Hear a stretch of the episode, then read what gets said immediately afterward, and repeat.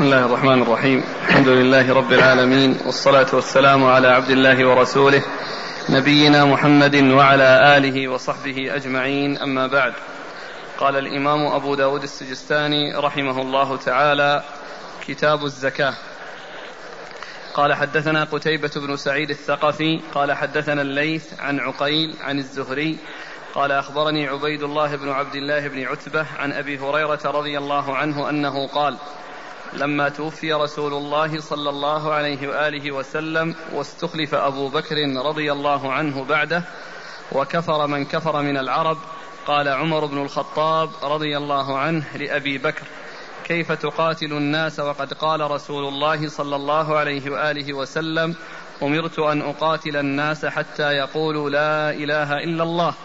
فمن قال لا إله إلا الله عصم مني ماله ونفسه إلا بحقه وحساب إلا بحقه وحسابه على الله عز وجل. فقال أبو بكر والله لأقاتلن من فرق بين الصلاة والزكاة فإن الزكاة حق المال. والله لو منعوني عقالا كانوا يؤدونه إلى رسول الله صلى الله عليه وآله وسلم لقاتلتهم على منعه. فقال عمر بن الخطاب فوالله ما هو إلا أن رأيت الله عز وجل قد شرح صدر أبي بكر للقتال. قال فعرفت أنه الحق. بسم الله الرحمن الرحيم. الحمد لله رب العالمين وصلى الله وسلم وبارك على عبده ورسوله نبينا محمد وعلى آله وأصحابه أجمعين. أما بعد يقول الإمام أبو داود السجستاني رحمه الله تعالى كتاب الزكاة. الزكاة هي الركن الثالث من أركان الإسلام. وهي قرينة الصلاة في كتاب الله عز وجل. كثيرا ما يقرن الله عز وجل في الذكر بين الصلاة والزكاة. والزكاة هي النماء. هي في اللغة النماء. يعني أن أنها مأخوذة من النماء. والزكاة الشرعية موجود في هذا المعنى الذي هو النماء لأنها سبب في نماء المال وتزكيته وكثرته ونمائه. وقد جاء في الحديث ما نقص مال صدقة بل تزده بل تزده بل تزده وفي الاصطلاح هي حق في أموال الأغنياء حق معلوم في أموال الأغنياء يصرف في جهات مخصوصة. هذه الجهات المخصوصة هي التي جمع ذكرها الله عز وجل في آية مصارف الزكاة.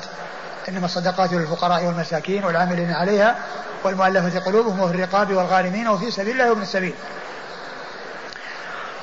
ويأتي في بعض النصوص ذكر الفقراء خاصة كما جاء في حديث معاذ أعلمهم أن الله افترض عليهم صدقة في أموالهم تؤخذ من أغنيائهم فترد على فقرائهم. وهم صنف من أصناف الزكاة. وإلا فإن أصناف صرف الزكاة ثمانية. الذين جاء ذكرهم في آية إنما الصدقات للفقراء في سورة التوبة. وقد أورد أبو داود رحمه الله آه، أحاديث أورد حديث أبي هريرة رضي الله عنه في قصة قتال أبي بكر رضي الله عنه بالمرتدين ومن من قاتلهم مانع الزكاة. وقد ذكر الخطابي رحمه الله أن الأصناف الذين قتلوا بعد وفاة النبي صلى الله عليه وسلم والذين قاتلهم أبو بكر الصديق رضي الله عنه وأرضاه أنهم صنفان. صنف أهل كفر وردة وصنف أهل بغي. وجعل مما يدخل تحت الكفر والردة صنفين. صنف فيهم من ادعى النبوة وتابعوه على ذلك كما حصل من مسيلمة الكذاب كما حصل من الأسود العنسي. فإن هؤلاء ادعوا النبوة وتبعهم من تبعهم على دعواهم الباطلة والكل مرتدون. و صنف آخر من هؤلاء هم الذين تركوا الدين وخرجوا من الدين وأنكروا وكفروا بما جاء به محمد صلى الله عليه وسلم من غير دعوى نبوة ومن غير اتباع لمتنبي من غير ادعاء نبوة وادعاء واتباع لمتنبي وهؤلاء أيضا مرتدون. وصنف آخر ذكرهم الخطابي وقال إنهم مانع الزكاة وأنهم أهل بغي. وذلك أنهم متأولون لكون أنهم فهموا أن ذلك إنما يكون للنبي صلى الله عليه وسلم دون غيره وذلك لقول الله عز وجل خذ من أموالهم صدقة تطهرهم وتزكيهم بها وقالوا إن هذه الأمور التي تترتب على الأخذ إنما تنطبق على النبي صلى الله عليه وسلم فهو الذي آه، آه، يصلي عليهم والتطهير والتزكية إنما يكون لما كان من رسول الله أو دفع إلى رسول الله صلى الله عليه وسلم ودعا لأصحابه. والمعروف أن هذا قول باطل وفهم خاطئ وأن خطاب أن الخطاب للنبي صلى الله عليه وسلم هو خطاب للأمة. ما لم يأتي دليل يدل على التخصيص. ما لم يأتي شيء يدل على تخصيص ذلك بالنبي صلى الله عليه وسلم. مثل قوله في الواهبة نفسها, نفسها خالصة لك من دون المؤمنين. فإن هذا نص يدل على خصوصيته أو هذا الحكم بالرسول صلى الله عليه وسلم لا يتعداه إلى غيره. أما ما يتعلق بدفع الزكاة وإلى النبي صلى الله عليه وسلم فإن الزكاة حق المال وهي واجبة وذلك الحكم مستمر. وليس مقتصرا على زمن النبي صلى الله عليه وسلم. ولهذا قال الخطابي أن من جحد وجوبها بعد بعد ذلك يعني في غير هذا الوقت الذي هو وقت آه، وفاة النبي صلى الله عليه وسلم فإن من جحدها يكون كافرا بالإجماع. قال وإنما ال ال ال الإشكال إنما هو في الذين فهموا هذا الفهم الخاطئ بعد وفاة النبي صلى الله عليه وسلم فإن أنهم اعتبروا أهل بغي وأن أن أبا بكر قاتلهم على أنه على أنهم أهل بغي. ومعلوم أن من امتنع من أمر من أمور الإسلام فإنه يقاتل عليه وإن لم يكن خرج بذلك من الإسلام. فالخطابي رحمه الله اعتبر مانعي الزكاة الذين فهموا هذا الفهم الخاطئ أنهم متأولون وأنهم لذلك أهل أنهم أهل بغي وأنهم قتلوا على بغيهم. ومن المعلوم أن أن البغاة يقاتلون. إذا يعني إلا آه، حصل منهم القتال أو أنهم امتنعوا أو حصل امتناع من من, من آه، شعيرة من شعائر الإسلام فإنهم يقاتلون على ذلك حتى يحصل منهم ذلك الشيء الذي امتنعوا من أجله. والزكاة جحدها ومنعها له حالتان. حالة الامتناع من دفع الزكاة له حالتان. حالة جحد وحالة بخل وتهاون. أما حالة الجحد فذلك كفر. وكل ما علم من دين الإسلام بالضرورة إيجابه أو تحريمه فإن جحد ذلك أو اعتقاد آآ آآ عدم وجوبه أنه كفر. وكذلك إذا كان من المنهيات وكان معلوما من الدين بالضرورة تحريمه فاعتقاد حله آه، يكون كفرا ويكون ردة عن الإسلام.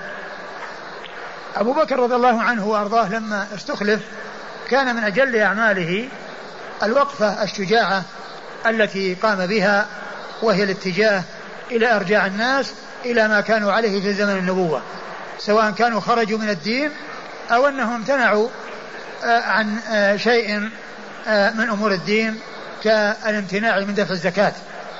فكان موقفه رضي الله تعالى عنه وأرضاه مع أنه معروف بلينه ومعروف بسهولته كان وقف وقفة شجاعة وهي إرجاع العمل على إرجاع الناس إلى ما كانوا عليه في زمن النبوة. وكانت جهود أعماله جهوده منصبة ومتجهة إلى إصلاح الخلل الذي حصل في المسلمين بعد وفاة النبي صلى الله عليه وسلم حتى يعود الأمر إلى ما كان عليه في زمن النبوة. ثم بعد ذلك يتجه إلى الفتوحات وإلى الجهاد في سبيل الله لإدخال الناس في الدين. ولكنه أراد أن آه، يبدأ بالذين حصل منهم الارتداد عن الدين أو الامتناع من دفع الزكاة حتى يعود الأمر إلى ما كان عليه في زمن النبوة. وكان من عمر بن الخطاب رضي الله تعالى عنه وأرضاه أنه آه، آه، أورد على أبي بكر رضي الله عنه يعني هذا الذي آه، عزم عليه وكان يرى خلاف رأيه فقال كيف تقاتل الناس وقد قال رسول الله صلى الله عليه وسلم أمرت أن أقاتل الناس حتى يشهدوا أن لا إله إلا الله فإذا شهدوا أن لا إله إلا الله فقد عصموا دماءهم وأموالهم إلا بحقها. فقال أبو بكر رضي الله عنه والله لو لو قاتلن من فرق بين الصلاة والزكاة. والله لو منع لو منعوني عقالا كانوا يؤدونه إلى رسول الله صلى الله عليه وسلم لقاتلتهم على منع. ثم إن عمر رضي الله عنه وأرضاه آه، اتضح له فيما بعد أن هذا الذي شرح الله صدر أبي بكر له أنه هو الحق فكان عمر مع شدته ومع قوته في دين الله عز وجل. كان الصديق رضي الله عنه هو الذي سبقه إلى القوة وإلى الشدة في هذا الموطن وإلى هذا الموضع الذي هو قتال الناس حتى يرجعوا إلى ما كانوا عليه في زمن الرسول صلى الله عليه وسلم. وقد جاء الحديث عن ابن عمر رضي الله عنه وأرضاه هذا الذي جاء عن أبي هريرة وفيه أن عمر قال كيف تقاتل الناس؟ وقد قال النبي صلى الله عليه وسلم أمرت أن أقاتل الناس حتى يشهدوا لا إله إلا الله جاء فيه ذكر الصلاة والزكاة.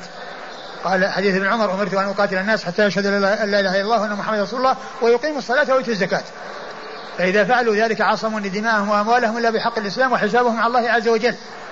وجاء في حديث ابن عمر ذكر المقاتلة على الصلاة وعلى الزكاة وأنه لا بد من مجموع هذه الأمور التي هي كونه يؤتى بالشهادتين ويؤتى أيضا بهذه الأمور التي هي أهم أركان الإسلام وأعظم أركان الإسلام بعد الشهادتين وهما الصلاة والزكاة.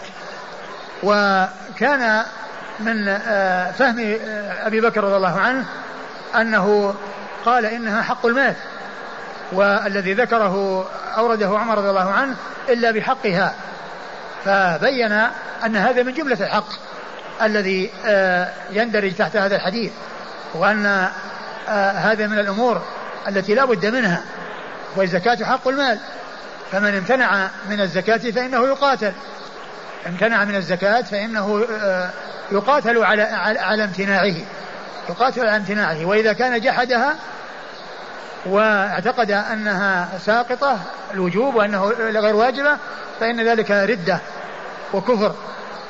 بل ما هو دونها فإنه يكون كذلك كالصلاة كالصيام والحج وغير ذلك من الأمور التي إذا آه، جحد وجوبها فإنه يكون كفرا. وأما إذا كان ترك الزكاة على سبيل التهاون وليس على سبيل الجحد فإن هذا لا يكون كفرا. وقد جاء ما يدل على ذلك وهو الحديث الذي فيه ما من صاحب ذهب ولا فضة لا يؤدي زكاتها إلا إذا كان يوم القيامة صفحت له صفائح من نار فيحمى بها جنبه وظهره وجبينه و فيكون كذلك حتى يقضى بين العباد فيرى سبيله إما إلى الجنة وإما إلى النار. فإن قوله صلى الله عليه وسلم إما إلى الجنة يدل على عدم الكفر لأن الكافر لا سبيل له إلى الجنة بل ليس أمامه إلا النار. فالذي يترك الزكاة تهاونا تؤخذ منه ولكنه لا يكون كافرا. وأما من يجحدها ويجحد وجوبها فإن هذا يكون مرتدا ويقتل على ردته. الحديث مرة ثانية. عن أبي هريرة رضي الله عنه قال لما توفي رسول الله صلى الله عليه وآله وسلم واستخلف أبو بكر رضي الله عنه بعده وكفر من كفر من العرب قال عمر بن الخطاب رضي الله عنه لأبي بكر كيف تقاتل الناس؟ وقد قال رسول الله صلى الله عليه وآله وسلم أمرت أن أقاتل الناس حتى يقولوا لا إله إلا الله فمن قال لا إله إلا الله عصم مني ماله ونفسه إلا بحقه وحسابه على الله عز وجل. فقال أبو بكر والله لأقاتلن من فرق بين الصلاة والزكاة فإن الزكاة حق المال. والله لو منعوني عقالا كانوا يؤدونه إلى رسول الله صلى الله عليه وآله وسلم لقاتلتهم على منعه.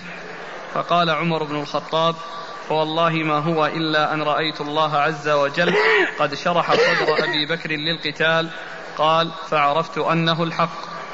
وهذا الذي فعله أو الذي قاله عمر أخيرا ليس متابعة وتقليدا لأبي بكر كما يقوله بعض المخذولين الذين يقولون أن عمر إنما هو متابع ومقلد لأبي بكر بل إنه لما تبين له أو بين له أبو بكر يعني آه، ما في أول الكلام وآخره وارتباط أوله بآخره وأن الحق هو يعني آه، آه، الذي جاء في آخره أنه معتبر وأن هذا من الذي يستحق عليه المقاتلة عند ذلك فهم.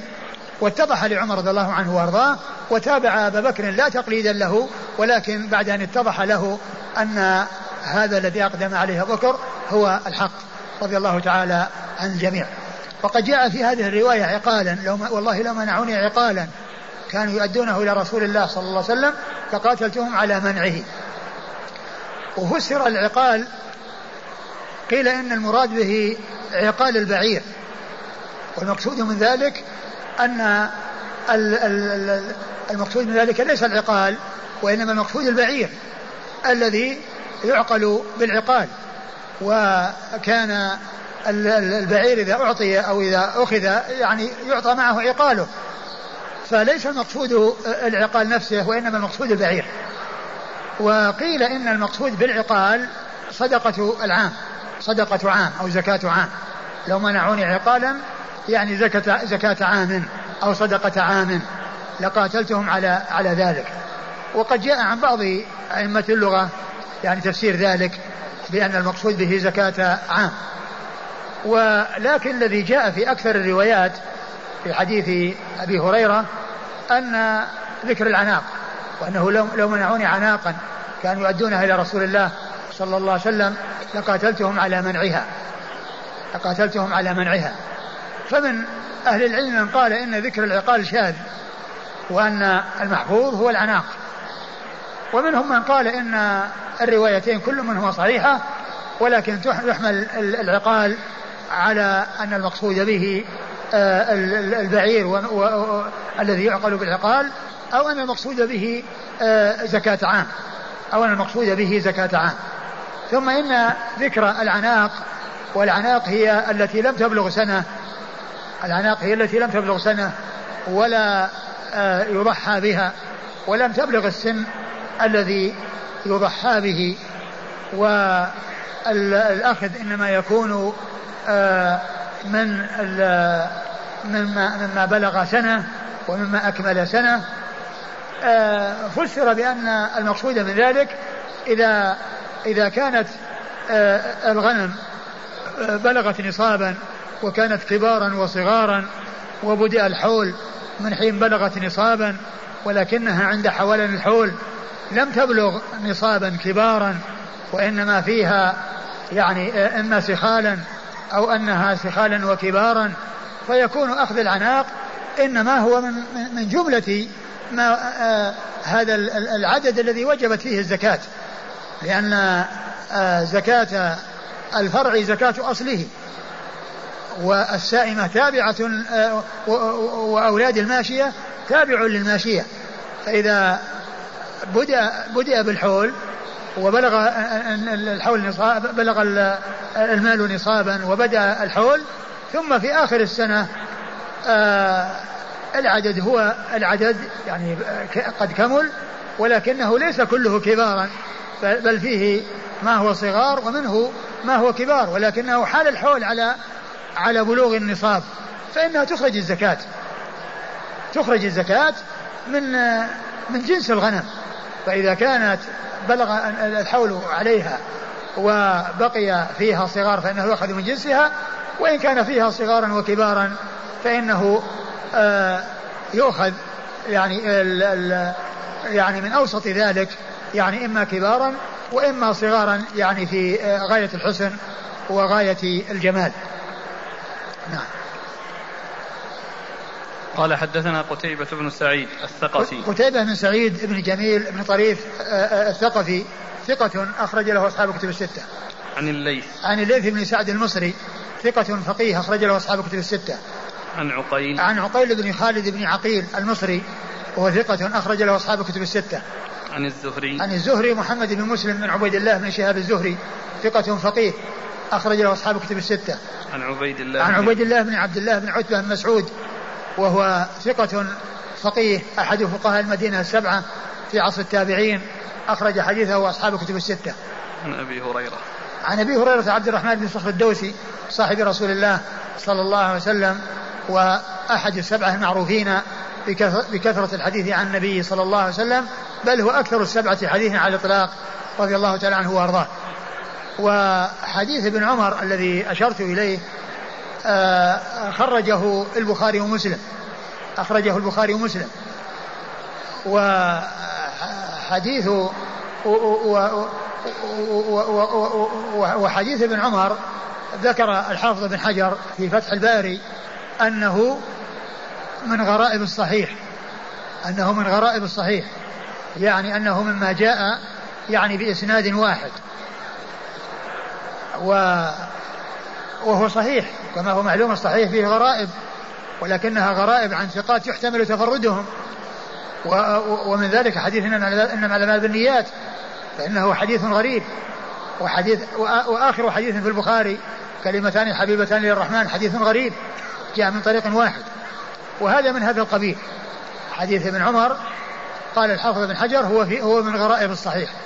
وقد خلا منه مسند الإمام أحمد على ساعته.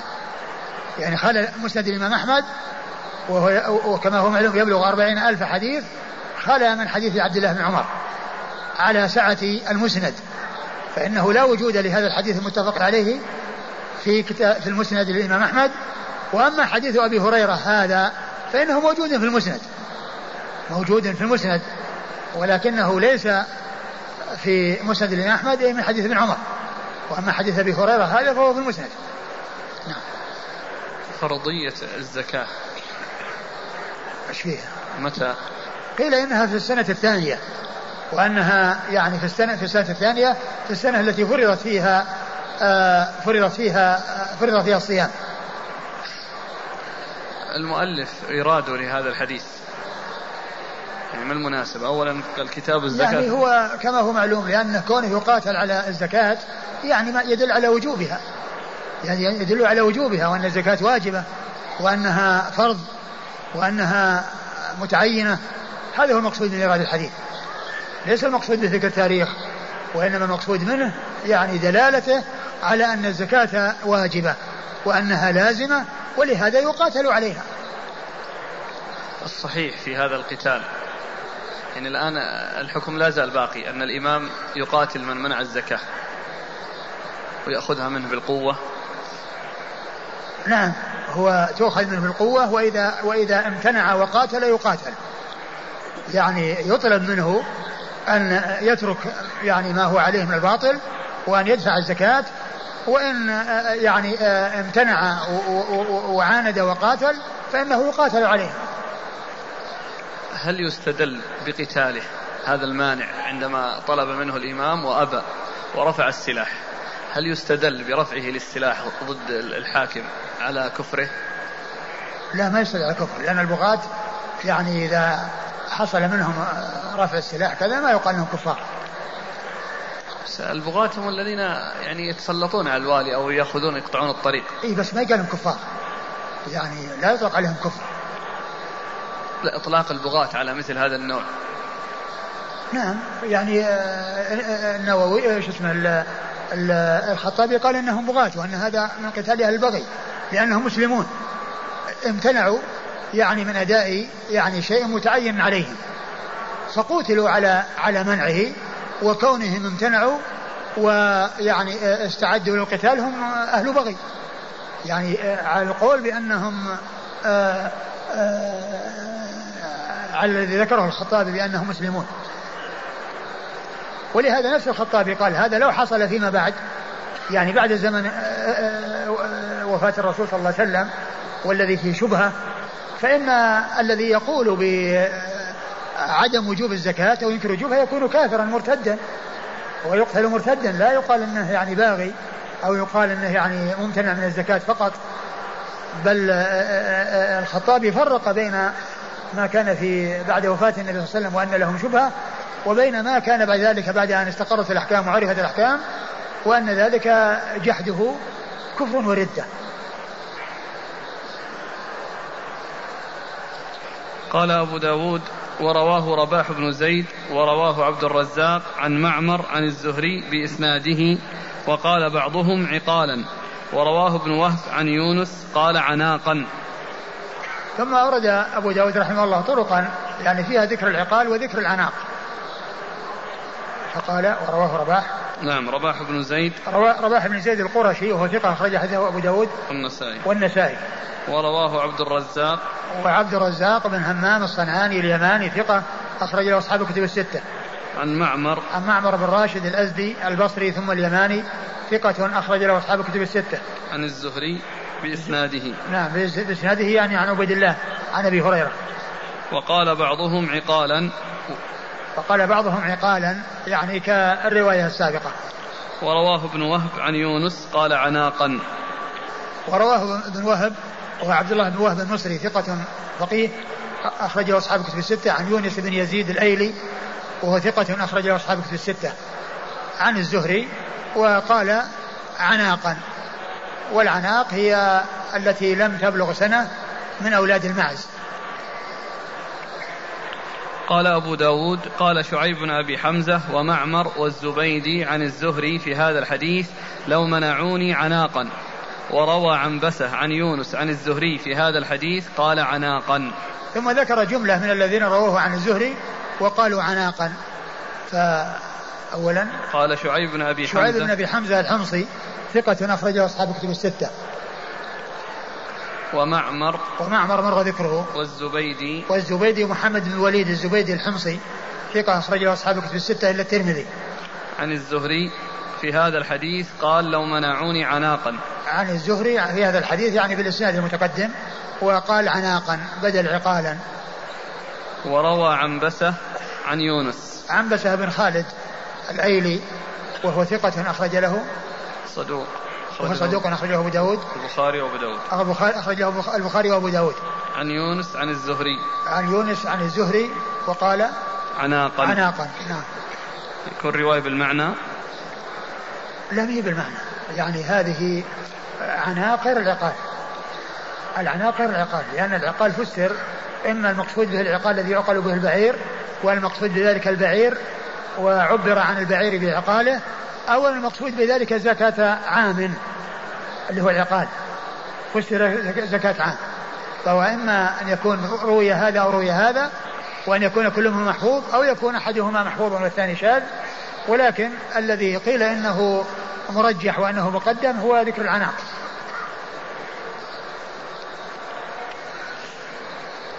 قال حدثنا ابن السرح وسليمان بن داود قال أخبرنا ابن وهب قال أخبرني يونس عن الزهري هذا الحديث قال قال أبو بكر رضي الله عنه إن حقه أداء الزكاة وقال عقالا. ثم أورد الحديث من طريق أخرى عن عن أحمد بن عمرو بن السرح وهو ثقة أخرج حديث مسلم وأبو داود النسائي وابن ماجه. سليمان بن داود. وسليمان بن داود المهري المصري وهو ثقة أخرج حديثه آه، أبو داود النسائي نعم. أبو داود النسائي عن ابن وهب عن يونس عن الزهري. عن وهب عن يونس عن الزهري وقد مر ذكرهم. قال قال أبو بكر إن حقه أداء الزكاة. يعني أنه آه، أن فيه من المخالفة فيما تقدم. قال أبو بكر أي الصديق إن حقه أداء الزكاة. يعني حقه أي من حقه أداء الزكاة. وقال عقالا يعني كالرواية الأولى.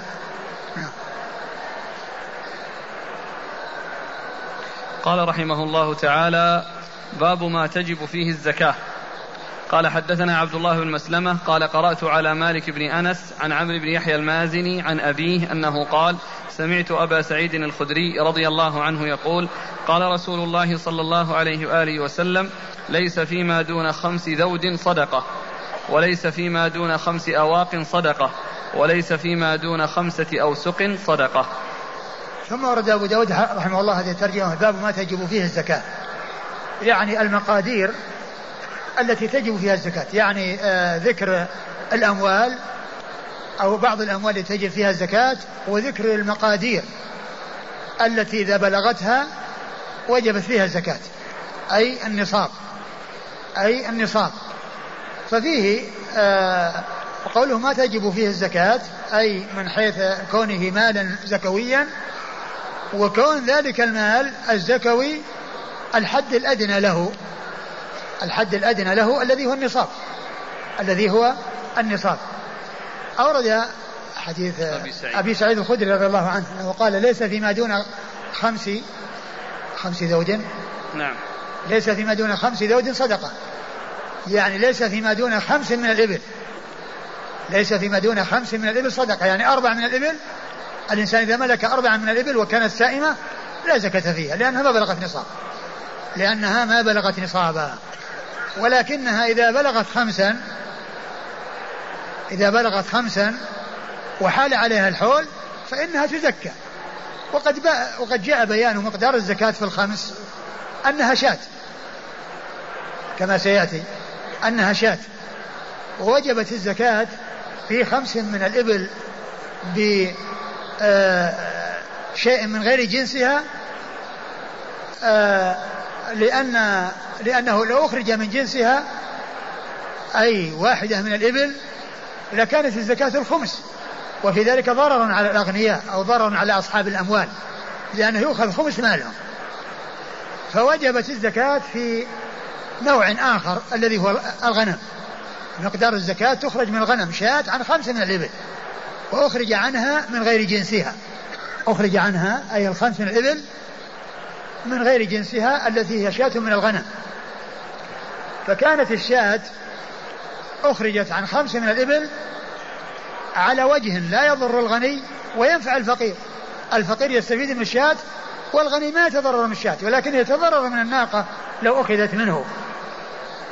لو أخذت منه وسيأتي بيان ال ال ال الأنصبة في زكاة الإبل ومتى يبدأ من الإخراج من, من, من جنسها ومن نوعها التي هي الإبل وأنه ما قبل ذلك حيث يكون المال قليلا يخرج فيه من غير الجنس.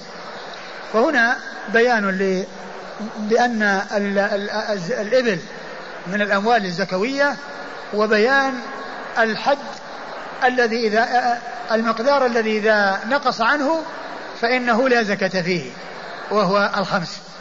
فما نقص عن خمس فلا زكاة فيه وما بلغ خمسا فأكثر ففيه الزكاة. وعلى هذا فالنصاب أو الحد الأدنى للذي لا زكاة فيه من الإبل هو الأربع. فإن الأربع لا زكاة فيها ولو بلغت سنين. أما الخمس فإذا حال عليها الحول الخمس فما زاد عليها فإذا حال الحول فإنها تزكى. والذود المقصود به الإبل. يعني خمس ذود يعني من الإبل. نعم. و وليس فيما دون خمس أواق صدقة. وليس فيما دون خمس أواق صدقة. وهذا من الورق يعني من الفضة. والأواق والأوقية أربعون درهما. والخمس الأواق مئة درهم. والخمس الأواق مئة درهم. فنصاب الفضة مئة درهم.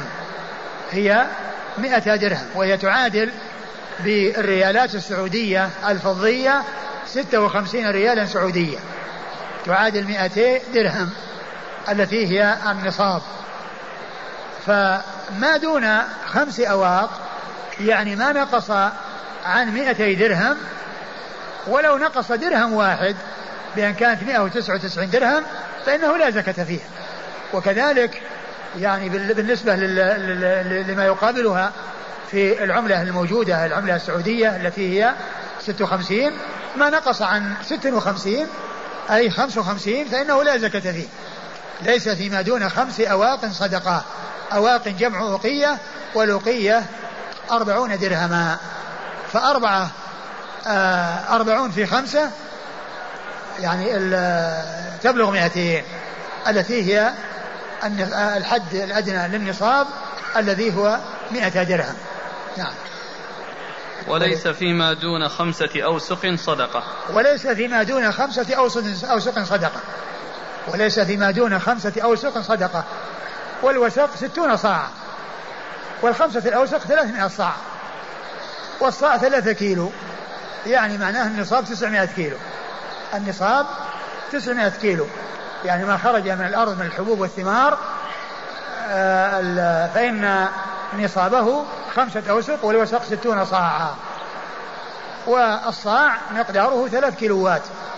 فيكون المقدار النصاب بالكيلو يعني ما يقارب أو في حدود 900 كيلو. ثم قوله وليس فيما دون خمس آه، أواق صدقة يعني يدلنا على أن الفواكه والخضروات أنه لا زكاة فيها لأنها ليست من يعني مما يكال ليست مما يكال كالحبوب و و و كالحبوب والثمار وأيضا ليست مما يدخر ليست مما يدخر ويتخذ قوتا فهي فواكه وليست أقواتا والزكاة إنما تجب في الأقوات التي تخرج من الأرض. كالحبوب والثمار كالتمر والبر والشعير والأرز والذرة وغير ذلك من الحبوب والثمار فإنها وكذلك الزبيب يعني مما يدخر. نعم. قال حدثنا عبد الله بن مسلمة. عبد الله بن مسلمة بن قعنب القعنبي ثقة أخرج له أصحاب الكتب الستة إلا ابن ماجه. قال قرأت. عن مالك بن أنس إمام دار الهجرة المحدث الفقيه الإمام أحد أصحاب المذاهب الأربعة المشهورة من مذاهب أهل السنة وحديثه أخرجه أصحاب الكتب الستة. عن عمارة بن يحيى المازني. عن عمارة بن يحيى ابن آه عمارة بن يحيى آه المازني وهو ثقة أخرجه أصحاب الكتب الستة. عن, أبي عن أبيه وهو ثقة أخرجه أصحاب الكتب الستة. عن أبي سعيد. عن أبي سعيد الخدري هو سعد بن مالك ابن سنان الخدري صاحب رسول الله صلى الله عليه وسلم وأحد السبعة المعروفين بكثرة الحديث عن النبي صلى الله صلى الله عليه وسلم وهو مشهور بكنيته ونسبته وكنيته أبو سعيد ونسبته الخدري واسمه سعد بن مالك بن سنان. سعد بن مالك بن سنان. نعم. قال حدثنا أيوب بن محمد الرقي قال حدثنا محمد بن عبيد قال حدثنا إدريس بن يزيد الأودي عن عمرو بن مرة الجملي عن أبي البختري الطائي عن أبي سعيد الخدري رضي الله عنه يرفعه إلى النبي صلى الله عليه وآله وسلم قال ليس فيما دون خمسة أوسق زكاة والوسق ستون مختوما. قال أبو داود أبو البختري لم يسمع من أبي سعيد. ثم ورد أبو داود حديث أبي سعيد وفيه ذكر واحد من الأمور الثلاثة التي تقدمت في الرواية السابقة وهو الوسق أنه ليس فيما دون خمس خمسة أوسق زكاة. ليس فيما دون خمسة أوسق زكاة. يعني هو مثل الرواية السابقة. والوسق ستون مختومة. ستون مختومة يعني ستون صاعا. نعم. قال حدثنا أيوب بن محمد الرقي. أيوب بن محمد الرقي ثقة؟ نعم أخرجه أبو داود والنسائي بن ماجه. ثقة أخرجه أبو داود والنسائي. وابن ماجه. وابن ماجه عن محمد, محمد بن عبيد الطنافسي وهو ثقة أخرج له أصحاب الكتب الستة. عن إدريس بن يزيد الأودي. عن إدريس بن يزيد الأودي وهو ثقة أخرجه أصحاب الكتب. وهو ثقة أخرجه أصحاب الكتب الستة.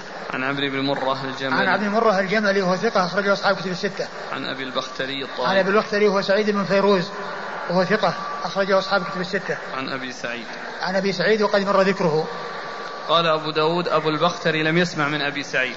قال أبو داود أبو البختري لم يسمع من أبي سعيد وهذا لا يؤثر لأنه آه، الحديث السابق آه، دال عليه ولم يأتي الحكم من طريق هذا الإسناد التي فيها انقطاع كون أبو البختري لم يسمع من أبي سعيد فإن ذلك ثابت.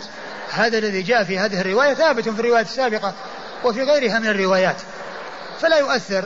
يعني الانقطاع يؤثر لو كان ما جاء إلا من هذا الطريق. فإن الحكم لا يثبت به.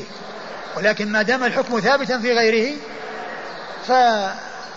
فيكون يعني هذا يعني آه متابعا أو يكون آه آه آه ليس معناه ضعيفا وإنما هو صحيح لكونه جاء من طرق أخرى صحيحة.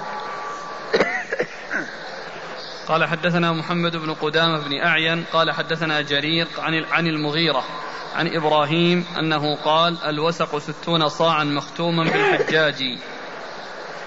ثم أورد أثرا عن إبراهيم النخعي إبراهيم بن يزيد النخعي الكوفي رحمة الله عليه أنه قال الوسق ستون صاعا مختوما بالحجاج.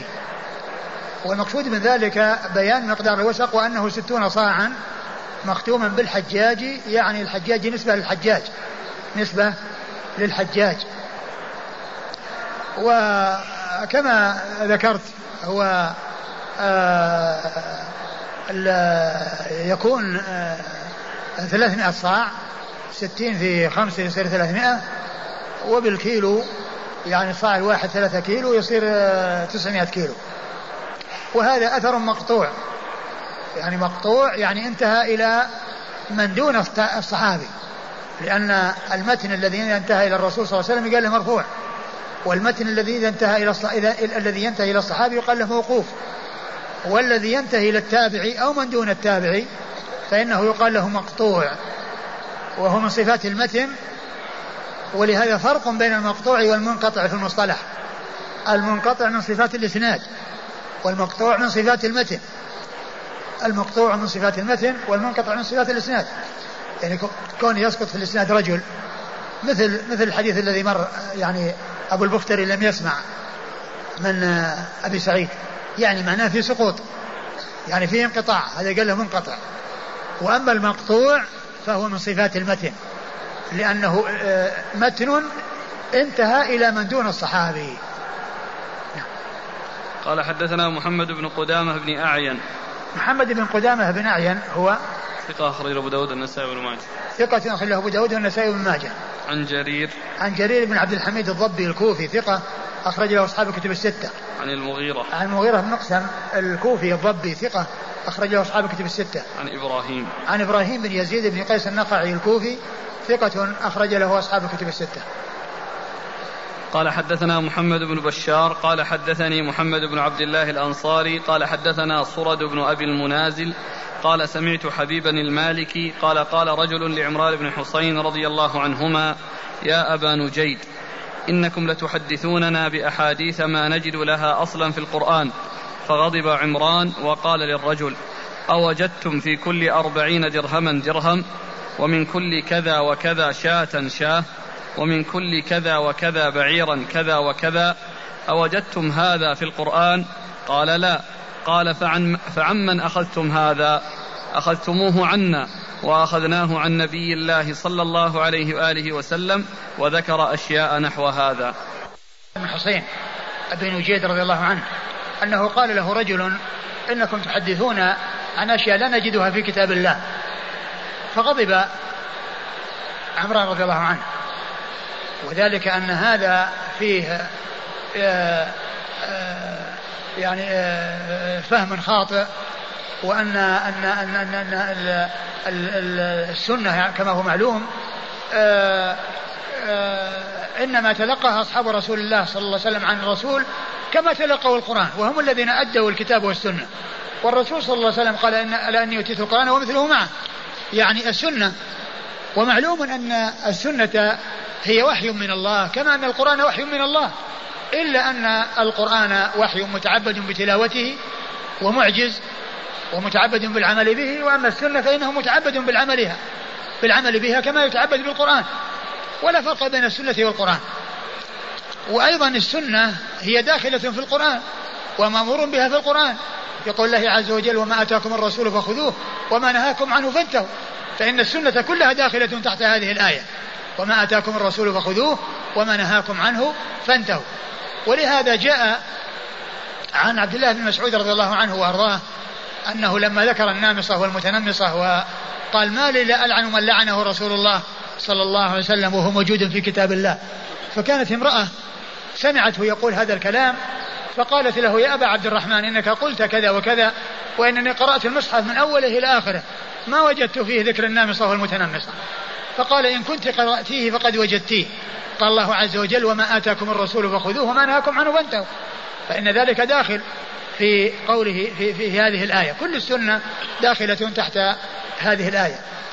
وعمران رضي الله عنه لما سأله هذا السائل غضب وقال أين وجدتم في القرآن أن في كل كذا درهم درهم. يعني مقادير الزكاة ما ما وجدت في القرآن موجودة في السنة. يعني كذا مقدار كذا درهم فيه درهم كذا مقدار كذا من الإبل فيه كذا مقدار آه، من الغنم فيه كذا. هذا لا يوجد في القرآن. لا يوجد في القرآن. ولكن السنة مفسرة القرآن ومبينة له ودالة عليه. وهي شقيقة القرآن ومتعبد بها كما يتعبد بالقرآن. والقرآن أمر بالعمل بما فيها. والقرآن أمر وآيات القرآن جاءت بالأمر بالعمل بما في السنة كما بالعمل بما في القرآن. بل إن إنكار السنة إنكار للقرآن. وجحد السنة جحد للقرآن. وكيف يتعبد الناس آه، لو اقتصروا على القرآن ولم يلتفتوا إلى السنة؟ بل إن الصلاة التي هي عمود الإسلام من أين عرف الناس أن صلاة الظهر أربع ركعات؟ وأن العصر أربع ركعات وأن المغرب ثلاث وأن العشاء أربع وأن الفجر اثنتين لا وجود لهذا في القرآن. هذا إنما يوجد في السنة. إنما يوجد في السنة. فالسنة يعني موضحة القرآن وشارحة له ودالة عليه والكفر بالسنة كفر بالقرآن. ومن أنكر السنة أنكر القرآن. ومن أنكر السنة فهو منكر للقرآن لأنه لأن السنة كلها داخلة تحت قول الله عز وجل وما آتاكم الرسول فخذوه وما نهاكم عنه فانتهوا. وكذلك قول الله عز وجل وما كان لمؤمن ولا مؤمنة إذا قضى الله ورسوله أمرا أن يكون لهم الخيرة من أمرهم وما يصل الله ورسوله فقد ضل ضلالا مبينا. والحاصل أن أن الذي الذي قاله عمران رضي الله عنه هذا كلام وإن كان في الإسناد يعني من هو متكلم فيه إلا أن المعنى صحيح ولا إشكال فيه ولا خلاف فيه. يعني كون أمور كثيرة الناس يعملون بها ويتعبدون بها وهي لا وجود لها في القرآن هذا أمر واضح لا إشكال فيه ولا خلاف فيه بين العلم. والحديث في إسناده يعني من هو متكلم فيه ومن هو مقبول ولكن معناه لا إشكال فيه ولا خلاف فيه.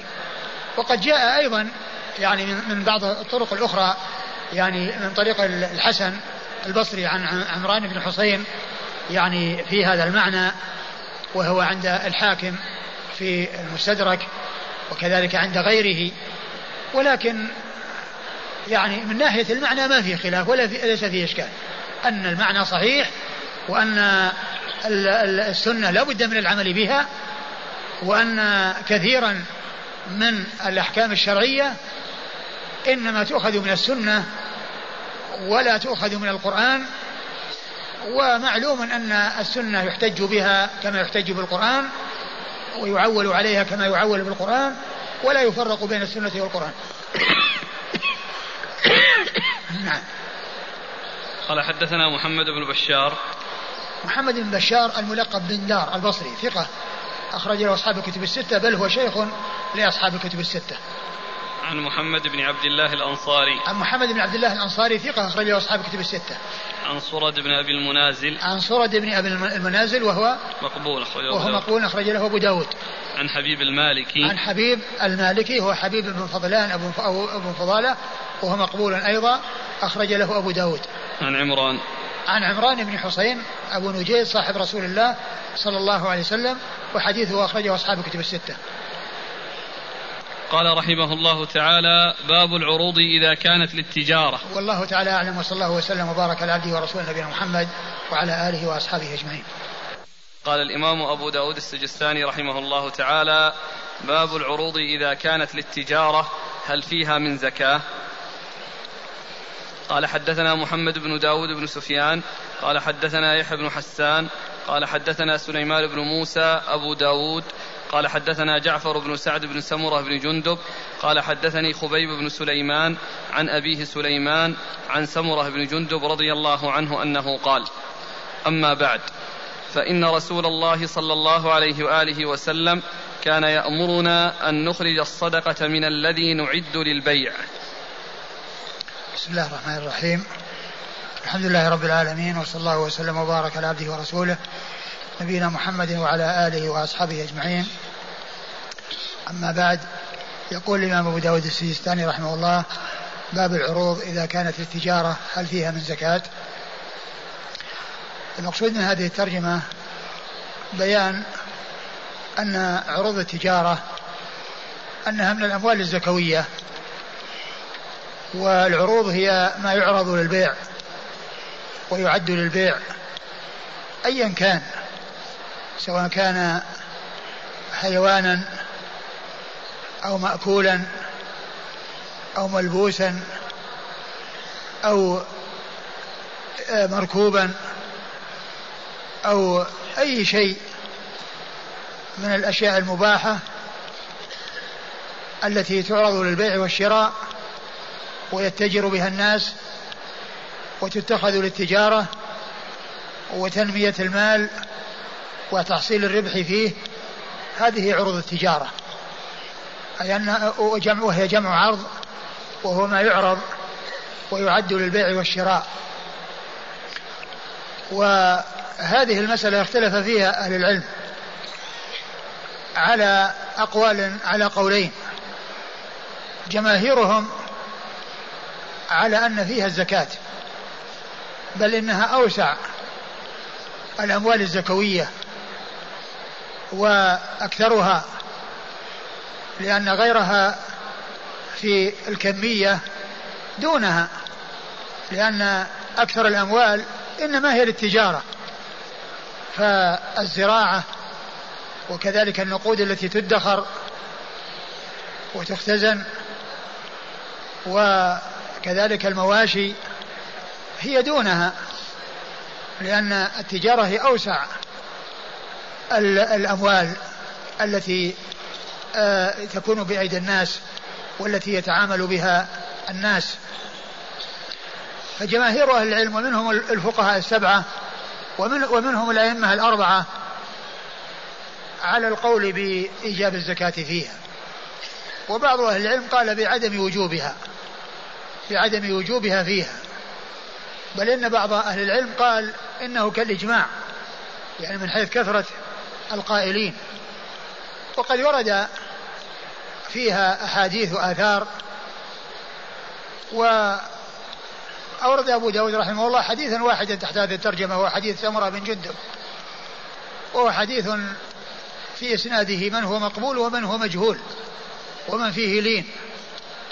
فهو ضعيف لا يعول عليه ولكن النصوص الأخرى العامة التي جاءت في الزكاة في الأموال وأن الأموال فيها حق معلوم للسائل والمحروم وغير ذلك فإنها تشمل هذا النوع من المال الذي هو أكثر الأموال وأوسع الأموال.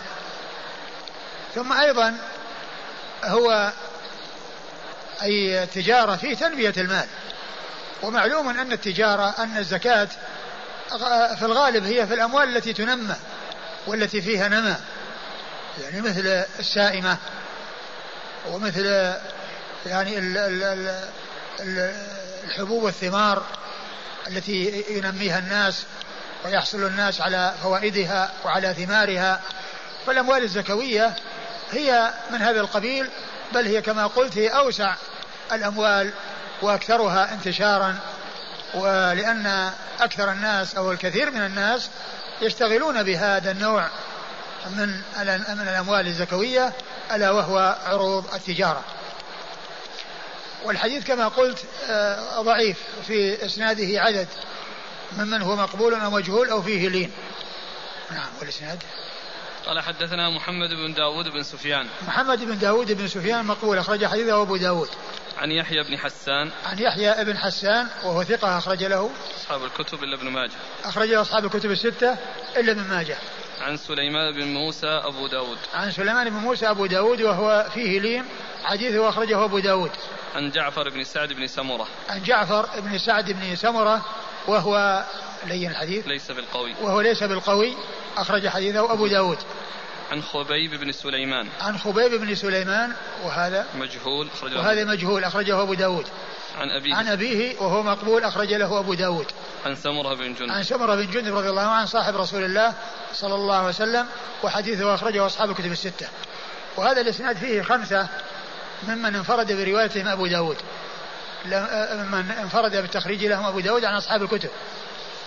وهم الأول الذي هو محمد بن داود بن سفيان محمد بن داود بن سفيان والذي بعد يحيى بن حسان. سليمان بن موسى. وسليمان بن موسى. وجعفر بن سعد بن بن جعفر بن سعد. وخبيب بن سليمان. وخبيب بن سليمان وأبوه. هؤلاء الخمسة كلهم انفرد بالإخراج لهم أبو داود. وبقي سمرة أخرجه أصحاب الكتب الستة ويحيى بن حسان أخرج له آه، أصحاب الكتب الستة إلا إلا النس... إلا ابن ماجه. إلا ابن ماجه. نعم. إذا ما يحكى فيها الإجماع. والله الإجماع حكاه يعني يعني بعض أهل العلم وقال إنه إجماع ولكن في خلاف الحقيقة.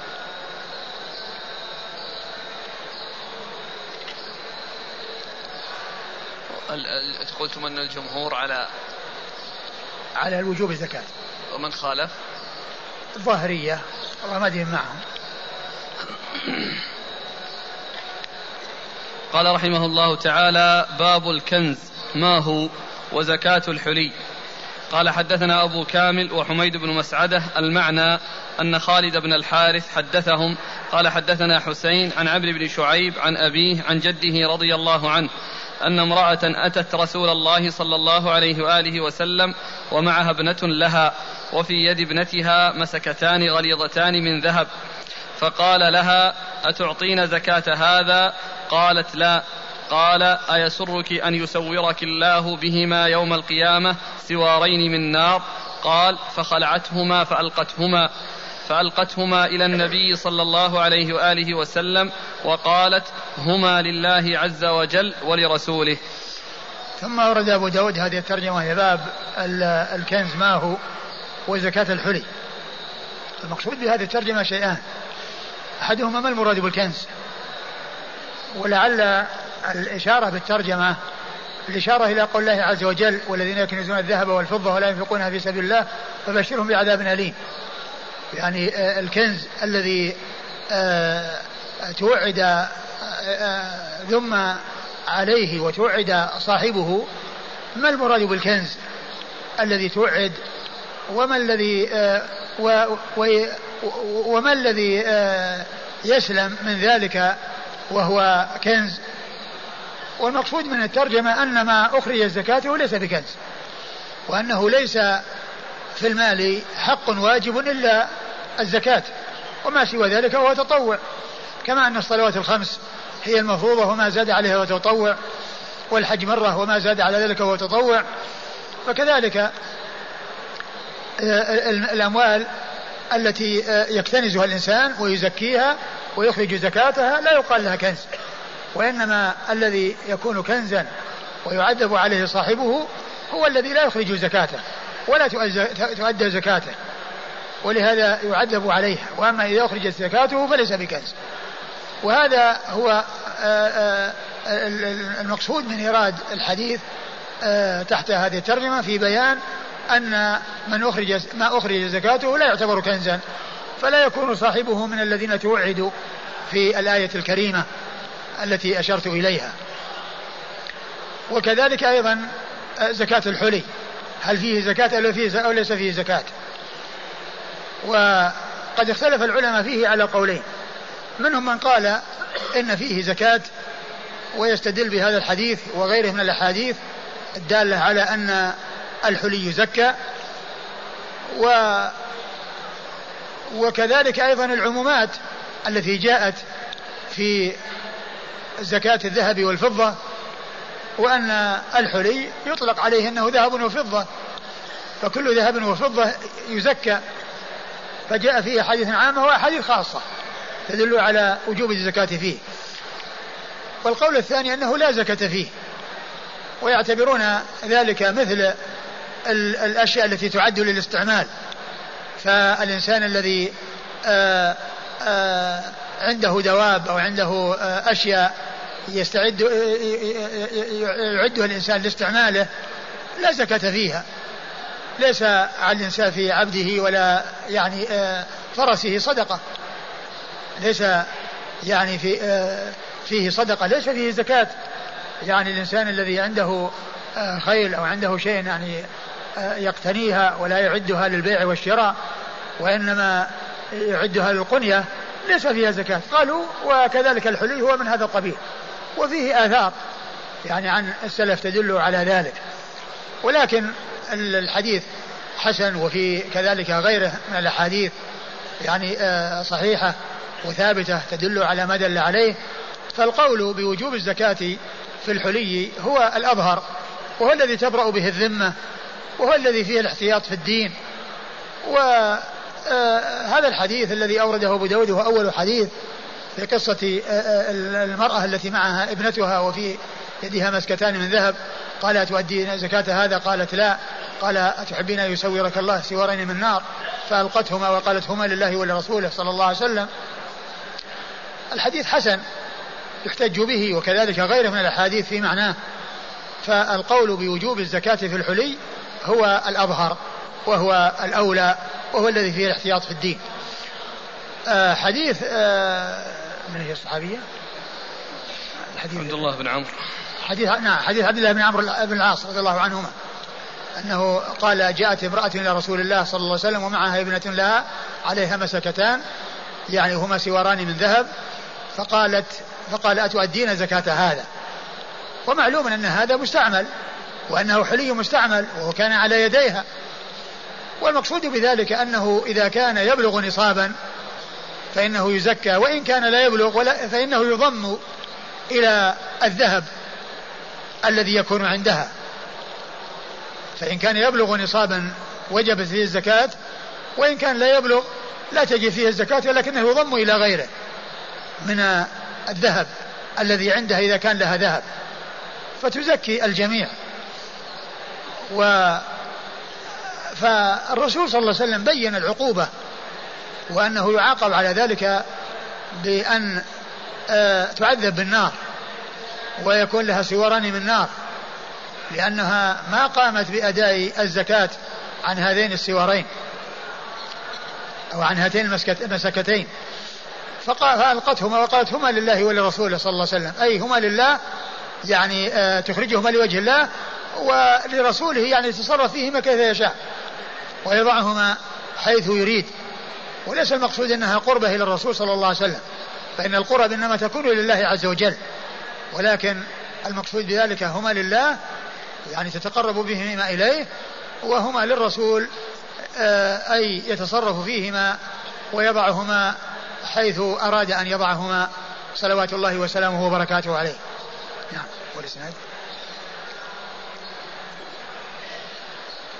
قال حدثنا أبو كامل. أبو كامل الفضيل بن حسين الجحدري وهو ثقة. نعم. وهو ثقة أخرجه البخاري تعليقا. ومسلم وأبو داود والنسائي. ومسلم وأبو داود والنسائي. وحميد بن مسعدة. حميد بن مسعدة وهو صدوق أخرج له مسلم وأصحاب السنن. المعنى. المعنى يعني أن أنهما متفقان في المعنى وإن اختلفا في اللفظ. عن خالد بن الحارث. عن خالد بن الحارث البصري وهو ثقة أخرج له أصحاب الكتب الستة. عن حسين. عن حسين بن ذكوان المعلم وهو ثقة أخرجه أصحاب الكتب الستة. عن عمرو بن شعيب.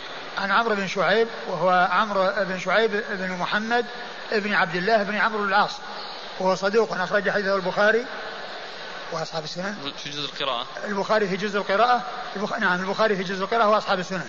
عن أبيه. عن أبيه شعيب بن محمد وهو صدوق أخرج حديثه البخاري في آه المفرد. في أدب المفرد. في الأدب المفرد وجزء القراءة وأصحاب السنن. عن جده. عن جده عمرو بن عن جده عبد الله بن عمرو بن العاص رضي الله تعالى عنهما الصحابي الجليل أحد العباد له الأربعة من أصحاب النبي صلى الله عليه وسلم وحديثه أخرجه أصحاب كتب الستة. وعلى هذا فرجاله ثقات إلى عمرو بن شعيب وعمرو بن شعيب آه إذا صح الحديث إليه وإذا استقام الإسناد إليه فإن حديثه حسن لأنه صدوق وأبوه صدوق. قال حدثنا محمد بن عيسى قال حدثنا عتاب يعني ابن بشير عن ثابت بن عجلان عن عطاء عن أم سلمة رضي الله عنها أنها قالت كنت ألبس أوضاحا من ذهب فقلت يا رسول الله أكنز هو؟ فقال ما بلغ أن تؤدى زكاته فزكي فليس بكنز. ثم أورد أبو داود رحمه الله حديث أم سلمة أنها كانت تلمس أوضاحا من ذهب فقالت يا رسول الله أكنز هو؟ فقال ما بلغ أن تؤدى زكاته فزكي فليس بكنز فليس بكنز. وهذا يعني يدل على أن ال ال على الزكاة في الذهب وكذلك أيضا كونها يعني عليها أوضاح وهي سألت عن هذا الذي عليها يعني فيه دلالة على على, على وجوب الزكاة في الذهب مطلقا ويدخل في ذلك الحلي. لأن السبب آه، آه، إنما يتعلق بالحلي. فالنبي صلى الله عليه وسلم قال ما بلغ ان ما بلغ؟ ما بلغ أن تؤدى زكاته فزكي فليس ما. بلغ أن تؤدى زكاته فزكي فليس بكنز يعني ما بلغ يعني ما بلغ نصابا. ووجبت فيه الزكاة لكونه نصاب وحال عليه الحول حيث بلغ نصابا وحال عليه الحول وزكي فإنه لا يعتبر كنزا. أي المذموم صاحبه الذي يبشر الذي بشر بالعذاب الأليم أو يبشر بالعذاب الأليم. كما جاء ذلك في, في الآية التي أشرت إليها وهي في سورة التوبة. إذا الكنز هو الذي لا تؤدى زكاته فهذا هو الذي يعذب صاحبه عليه. وأما إذا كان آه، عنده المال قد اكتنزه ويؤدي زكاته فإنه لا يعتبر كنزا كما جاء ذلك مبينا في هذا الحديث عن رسول الله صلوات الله وسلامه وبركاته عليه. كنت ألبس أوضاحا. نعم. أوضاح. الأوضاح يعني هي آه، يعني حلي. وهنا قال إنه ذهب. أوضاحا من ذهب وليس كذلك؟ نعم. نعم أوضاحا من ذهب. وقد فسر بأن الأوضاح المقصود بها ال ال ال الفضة لأنها بيضاء واضحة لكن هنا فيه آه، ذكر أنه من ذهب ذكر أنه من ذهب يعني وليس من فضة. قال حدثنا محمد بن عيسى. محمد بن عيسى هو ابن الطباع وهو ثقة أخرج له مسلم. البخاري تعليقا. البخاري تعليقا. وأبو داود والترمذي وأبو داود والترمذي في الشمائل والنسائي بن ماجه. عن عتاب يعني بن بشير. عن عتاب يعني بن بشير وهو صدوق يخطئ. يخطئ أخرج له. البخاري وأبو داود والترمذي والنسائي. البخاري وأبو داود والترمذي والنسائي. عن ثابت بن عجلان. عن ثابت بن عجلان وهو صدوق أخرج له البخاري وأبو داود والنسائي بن ماجه. صدوق أخرج له البخاري وأبو داود والنسائي بن ماجه. عن عطاء. عن عطاء وهو بن أبي رباح ثقة أخرجه أصحاب كتب الستة. عن أم سلمة. عن أم سلمة هند بنت أبي أمية أم المؤمنين رضي الله تعالى عنها وأرضاها وحديثها أخرجه أصحاب كتب الستة. الحديث نعم الحديث الحديث حسنه الألباني آه يعني آه المرفوع منه يعني المرفوع منه يعني قال الألباني إنه حديث حسن ومعنى هذا كأن القصة أو الشيء الذي آه يعني آه السؤال آه كأن فيه إشارة إلى عدم ثبوته. قال حدثنا محمد بن إدريس الرازي قال حدثنا عمرو بن الربيع بن طارق قال حدثنا يحيى بن أيوب عن عبيد الله بن أبي جعفر أن محمد بن عمرو بن عطاء أخبره عن عبد الله بن شداد بن الهاد أنه قال دخلنا على عائشة زوج النبي صلى الله عليه وآله وسلم ورضي الله عنها فقالت دخل علي رسول الله صلى الله عليه وآله وسلم فرأى في يدي فتخات من ورق فقال ما هذا يا عائشة؟ فقلت صنعتهن أتزين لك يا رسول الله. قال أتؤدين زكاتهن؟ أتؤدين زكاتهن؟ زكاة. زكاة. أتؤدين زكاتهن؟ قلت لا. أو ما شاء الله. قال هو حسبك من النار. ثم ورد أبو داود حديث عائشة رضي الله عنها وأن عليها فتخات من فضة. فقال ما هذا يا عائشة؟ قالت فتخات يعني أتجمل بهن لك يا رسول الله. قال أتؤدين زكاة هذا؟ قالت لا. أو ما شاء الله. يعني أو ما قالت يعني غير كلمة لا. آه قال هن حسبك من النار. هن حسبك من النار. هذا يدل على ما دل عليه الحديث السابق آه من الزكاة أو وجوب الزكاة في الحلي والفتخات آه من الفضة. يعني المقصود منها أنها تضم إلى غيرها. أنها أموال أنها من الأموال الزكوية وكل ذهب وفضة فإنه يزكى سواء كان حلي أو غير حلي. لكن الشيء إذا لم يبلغ نصاب لا زكاة فيه. لكنه إذا كان هناك آه، فضة أخرى معه وبلغ المجموع نصاب فإنه يزكى وتجب فيه الزكاة. وأما إذا كان لا يبلغ النصاب فإنه لا زكاة فيه لأنه كما جاء في الحديث عن النبي صلى الله عليه وسلم ليس فيما دون خمس أواق صدقة. ليس فيما دون خمس أواق صدقة يعني أواق من الفضة أي أنه لا بد من اعتبار النصاب. وهذه الفتخات يعني أنها تضم إلى غيرها. نعم.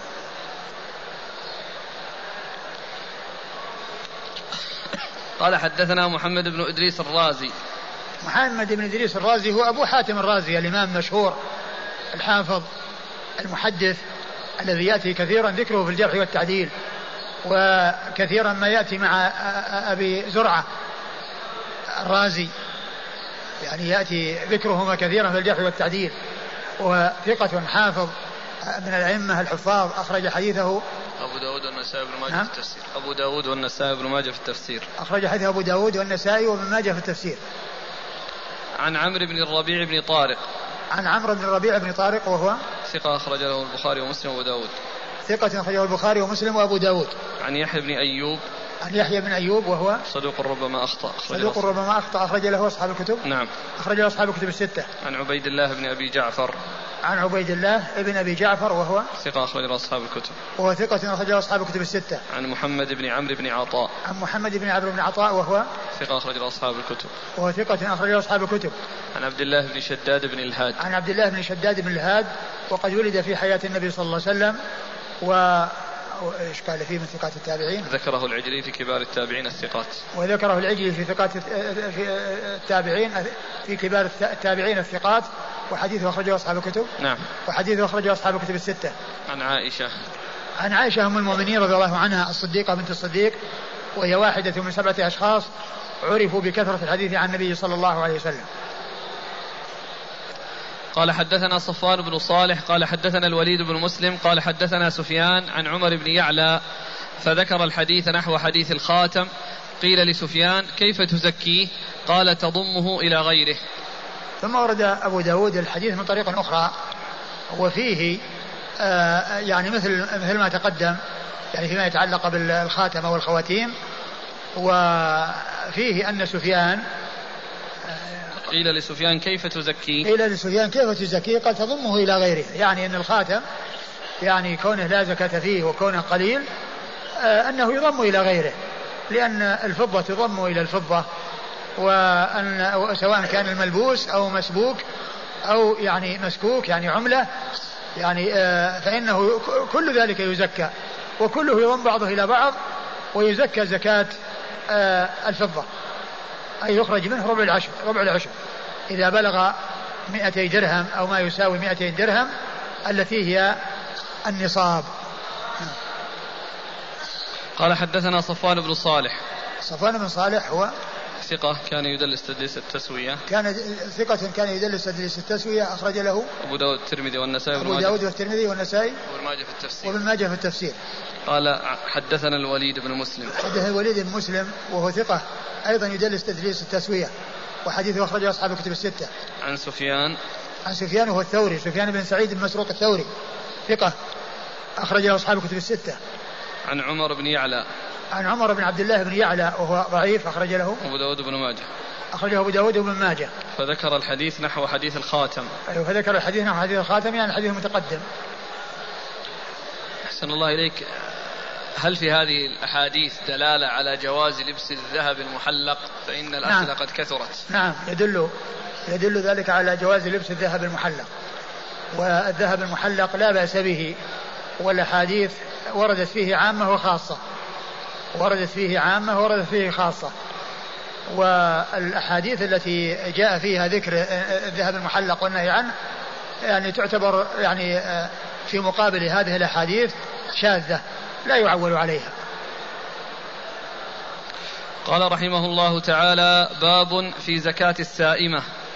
قال حدثنا موسى بن إسماعيل قال حدثنا حماد قال أخذت من ثمام بن عبد الله بن أنس كتابا زعم أن أبا بكر رضي الله عنه كتبه لأنس رضي الله عنه وعليه خاتم رسول الله صلى الله عليه وآله وسلم حين بعثه مصدقا وكتب له.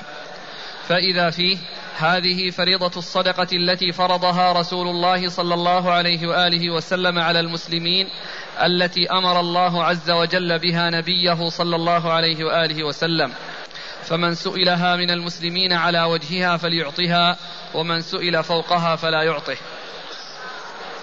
فيما دون فيما دون خمس وعشرين من الإبل الغنم في كل خمس ذود شاة. فإذا بلغت خمسا وعشرين ففيها بنت مخاض إلى أن تبلغ خمسا وثلاثين. فإن لم يكن فيها بنت مخاض فابن لبون ذكر. فإذا بلغت ستا وثلاثين ففيها بنت لبون. إلى خمس وأربعين فإذا بلغت ستا وأربعين ففيها حقة طروقة الفحل إلى ستين فإذا بلغت إحدى وستين ففيها جذعة إلى خمس وسبعين فإذا بلغت ستا وسبعين ففيها ابنتا لبون إلى تسعين فإذا بلغت إحدى وتسعين ففيها حقتان طروقتا الفحل إلى عشرين ومائة. فإذا زادت على عشرين ومائة ففي كل أربعين بنت ففي كل أربعين بنت لبون وفي كل خمسين حقة. فإذا تباين أسنان الإبل في فرائض الصدقات فمن بلغت عنده صدقة الجذعة وليست عنده جذعة وعنده حقة فإنها تقبل منه. وأن يجعل معها شاتين إن استيسرتا له أو عشرين درهما. ومن بلغت عنده صدقة الحقة وليست عنده حقة وعنده جذعة فإنها تقبل منه ويعطيه المصدق عشرين درهما أو شاتين.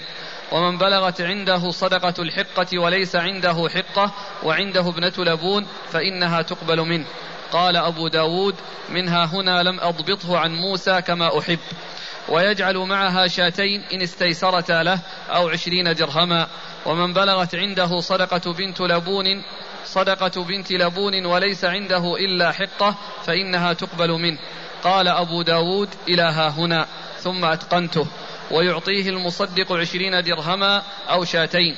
ومن بلغت عنده صدقة ابنة لبون وليس عنده إلا بنت مخاض فإنها تقبل منه وشاتين أو عشرين درهما. ومن بلغت ومن بلغت عنده صدقة ابنة مخاض وليس عنده إلا ابن لبون ذكر فإنه يقبل منه وليس معه شيء. ومن لم يكن عنده إلا أربع فليس فيها شيء إلا أن يشاء ربها. وفي سائمة الغنم إذا كانت أربعين ففيها شاة إلى عشرين ومائة. فإذا زادت على عشرين ومائة ففيها شاتان. إلى أن تبلغ مئتين فإذا زادت على مئتين ففيها ثلاث شياه. إلى أن تبلغ ثلاثمائة. فإذا زادت على ثلاثمائة ففي, ففي كل مئة ففي كل مئة شاة شاة. ولا يؤخذ في الصدقة هرمة ولا ذات عوار من الغنم. ولا تيس الغنم إلا أن يشاء إلا أن يشاء المصدق. ولا يجمع بين متف... بين مفترق ولا يفرق بين مجتمع. خشية الصدقة. وما كان من خليطين فإنهما يتراجعان بينهما بالسوية. فإن لم تبلغ سائمة الرجل أربعين فليس فيها شاء إلا أن يشاء ربها. وفي الرقة ربع العشر. فإن لم يكن المال إلا تسعين ومائة فليس فيها شيء إلا أن يشاء ربها. ثم ورد أبو داود هذه الترجمة وهي باب باب في السائمة. والسائمة هي بهيمة الأنعام التي ترعى أكثر الحول. يعني لا يتعب عليها صاحبها بالعلف ولا يتكلف لها علفا وإنما ترعى في البر في المراعي دون أن يحصل له تكلف عليها. فالسائمة هي التي آه، ترعى ترعى أكثر الحول وهذا يدل على أنه إذا كان كانت الغنم أنه يعلفها والإبل أنه يعلفها أكثر الحول أنه لا زكاة فيها لأن لأنه قد تعب عليها وخسر عليها وبقاؤها ونماؤها إنما حصل بإنفاقه وبتعبه. ولكن كونها تكون سائمة ترعى ولا يتكلف عليها شيئا هذا هو الذي تكون فيه الزكاة. فإذا قوله باب في زكاة السائمة أي بهيمة الأنعام التي تكون سائمة. لا يتعب عليها صاحبها ولا يخسر عليها شيئا فيما يتعلق بعلفها ثم ورد أبو داود حديث آآ آآ أنس بن مالك رضي الله عنه الذي فيه كتاب أبي بكر إليه لما جعله مصدقا على البحرين يعني عاملا على الصدقات في البحرين أعطاه هذا الكتاب الذي عليه خاتم رسول الله صلى الله عليه وسلم والذي فيه بيان فرائض الصدقة والذي فيه بيان فرائض الصدقة يعني مقاديرها وتحديدها و إيش قال في أول حديث؟ عليه خاتم رسول الله صلى الله عليه وسلم حين بعثه مصدقا وكتب له فإذا فيه هذه فريضة الصدقة التي فرضها رسول الله صلى الله عليه وآله وسلم على المسلمين التي أمر الله عز وجل بها نبيه صلى الله عليه وآله وسلم. وإذا فيه هذه فريضة الصدقة يعني هذه آه، أي هذا بيان فريضة الصدقة أي بيان مقاديرها والنصاب والحد الأدنى والأوقاص التي لا زكاة فيها بين المقدارين من بهيمة الأنعام. وفي ذلك أي في ذلك الكتاب التفاصيل التي فيها بيان ما يستحق عند كل مقدار. وقوله التي فرضها رسول الله صلى الله عليه وسلم يعني يراد ذلك أنه قدرها وبين مقاديرها ومعلوم أنه جاء في القرآن إيجاب الزكاة ولكن بدون تحديد وتقدير. وجاء بيان ذلك في السنة. ومعلوم أن البيان الذي حصل من الرسول صلى الله عليه وسلم ليس من عنده وإنما هو من عند الله. لأن السنة وحي من الله كما أن القرآن وحي من الله. كما قال الله عز وجل وما ينطق عن الهوى إن هو إلا وحي يوحى والتي أمر الله بها رسوله صلى الله عليه وسلم. يحتمل أن يكون المراد بقوله أمر الله بها رسوله يعني في القرآن وفي قوله خذ من أموالهم صدقة. ويحتمل أن يكون ذلك التفصيل أنه من الله ولا شك أنه من الله. ولا شك أنه من الله لأن التفاصيل إنما هي من الله وليست من النبي صلى الله عليه وسلم وليست من النبي عليه الصلاة والسلام لأنه مبلغ عن الله. والسنة هي وحي من الله مبينة للقرآن وموضحة للقرآن ودالة على القرآن. بعده فمن سئلها من المسلمين على وجهها فليعطها.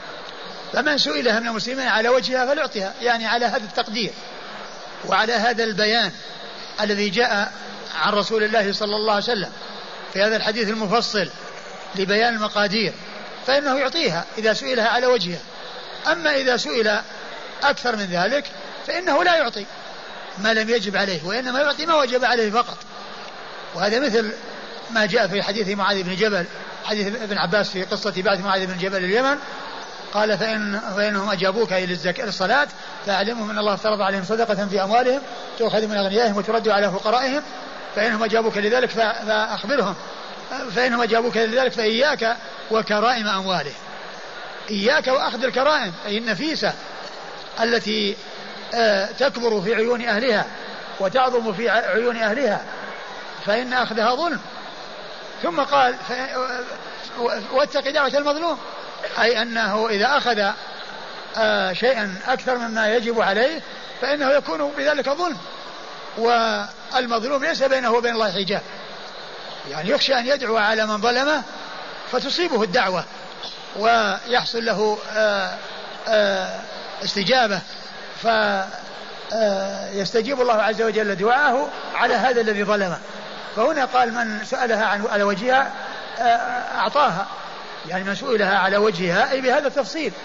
ومن سئلها على غير وجهها لا يعطيها لأنه لا يجب عليه أن يعطي شيئا خلاف ما جاءت به السنة عن رسول الله صلى الله عليه وسلم. نعم. فيما دون خمس وعشرين من الإبل الغنم. ثم بدأ ببيان هذه التفاصيل. فبين عليه الصلاة والسلام أن زكاة الإبل تنقسم إلى قسمين. قسم قليل تخرج زكاته من غير نوعه وهو الغنم.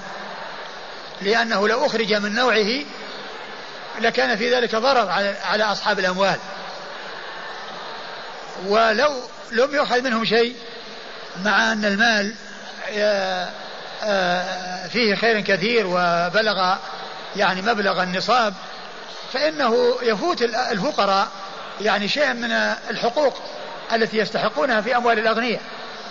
فجاءت الشريعة في بيان المقادير على وجه ينفع الفقير ولا يضر الغني. ينفع الفقير ولا يضر الغني. فإذا بلغت خمسا وعشرين يعني من الإبل وحال عليها الحول يبدأ بإخراج من جنسها. وإذا كانت أقل من خمس وعشرين فإن الزكاة فيها تكون من الغنم. في كل خمس خمس ذود شاة. يعني معناه أن الخمس من الإبل فيها شاة. وقد مر في الحديث ليس فيما دون خمس ذود صدقة. يعني ما نقص عن الخمس لا زكاة فيه. وهو أقل مقدار يزكى ولكن زكاته تكون من غير جنسه. أي من الغنم وليست من الإبل لأنه لو أخرج الخمس ناقة صارت الزكاة خمس المال فيكون في ذلك ضرر على صاحب المال. فأوجب عليه من غير جنسه هو الشاة. فإذا إلى إلى إلى تسع ليس فيها إلا شاة. فإذا بلغت عشرا صار فيها شاتين. فإذا إلى خمس إلى أربع عشرة ليس فيها إلا شاتين. فإذا صارت خمس عشرة صار فيها ثلاث شياه. وإذا بلغت تسع عشرة ليس فيها إلا ثلاث شياه. وإذا بلغت عشرين صار فيها أربع شياه. إلى أربع وعشرين ليس فيها إلا أربع شياه. فإذا بلغت خمس وعشرين بدأ يخرج من جنسها. بدأ يخرج من جنسها وهي ابنة مخاض. ولهذا قال آه في آه قال إيش؟ فإذا بلغت لا ليس قال فيما ليس دون قال فيما, فيما دون, دون خمس وعشرين من الإبل الغنم. يعني فيما دون خمس وعشرين من الإبل الغنم أي الزكاة فيما دون خمس وعشرين أي من أربع وعشرين فما دون الغنم. لكن وبين ذلك بقوله في كل خمس ذود شاة. ومعناه أن الأربع ليس فيها شيء. الأربع ليس فيها شيء. وقد جاء ذلك منصوصا عليه في آخر الحديث ولكن يفهم هنا من قوله في كل خمس ذود شاة معناه أن ما نقص عن الخمس أنه لا زكاة فيه. ما نقص عن الخمس لا زكاة فيه. ثم يعني إلى أربع شياة عشرين يكون أربع شياة وأربع وعشرين وقص وهذا يسمونه وقص وهو ما بين الفريضتين يقال له وقص لا زكاة فيه. وإنما الزكاة في المقدار الذي يحدد يعني خمس إلى وما وما وراءها يعني الذي هو آه، أربع إلى عشر هذا لا زكاة فيه. فإذا بلغت عشرا صار فيها شاتين إلى خمس عشرة إذا بلغ خمس عشرة صار فيها ثلاث إذا بلغت عشرين صار فيها أربع شياه إلى أربع وعشرين الأربعة التي فوق العشرين ليس فيها شيء وإذا بلغت خمسة وعشرين يخرج من جنسها. يخرج بنت مخاض وبنت المخاض هي التي أكملت من عمرها سنة ودخلت في السنة الثانية. فأمها غالبا تكون قد حملت وتكون يعني فيها حمل. فيقال لها ذات مخاض يعني أمها ذات مخاض وهذا إنما هو في الغالب. وإلا فقد تكون أمها ما حملت وليس في بطنها حمل ولكن آه، جريا على الغالب قيل لها بنت مخاض. ففيها بنت مخاض وهي التي أكملت سنة من عمرها ودخلت في السنة الثانية من 25 إلى 35 ليس فيها إلا بنت مخاض. فإذا زادت واحدة فصارت 36 صار فيها بنت لبون. صار فيها بنت لبون. وإذا لم يكن آه، عنده أي آه، بنت المخاض في المقدار الذي من 25 إلى إلى 35 آه، فإنه يخرج باللبون ذكر. يخرج باللبون ذكر. يعني أن يعني الكبر في الذكر يقابل مقابل النفاسة في الإناث.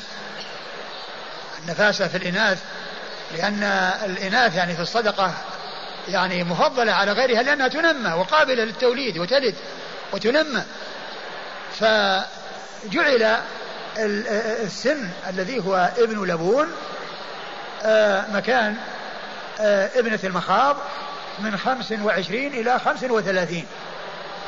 فإذا زاد واحدة يعني خمس وثلاثين صار ست وثلاثين أي الإبل فإن فيها بنت لبون.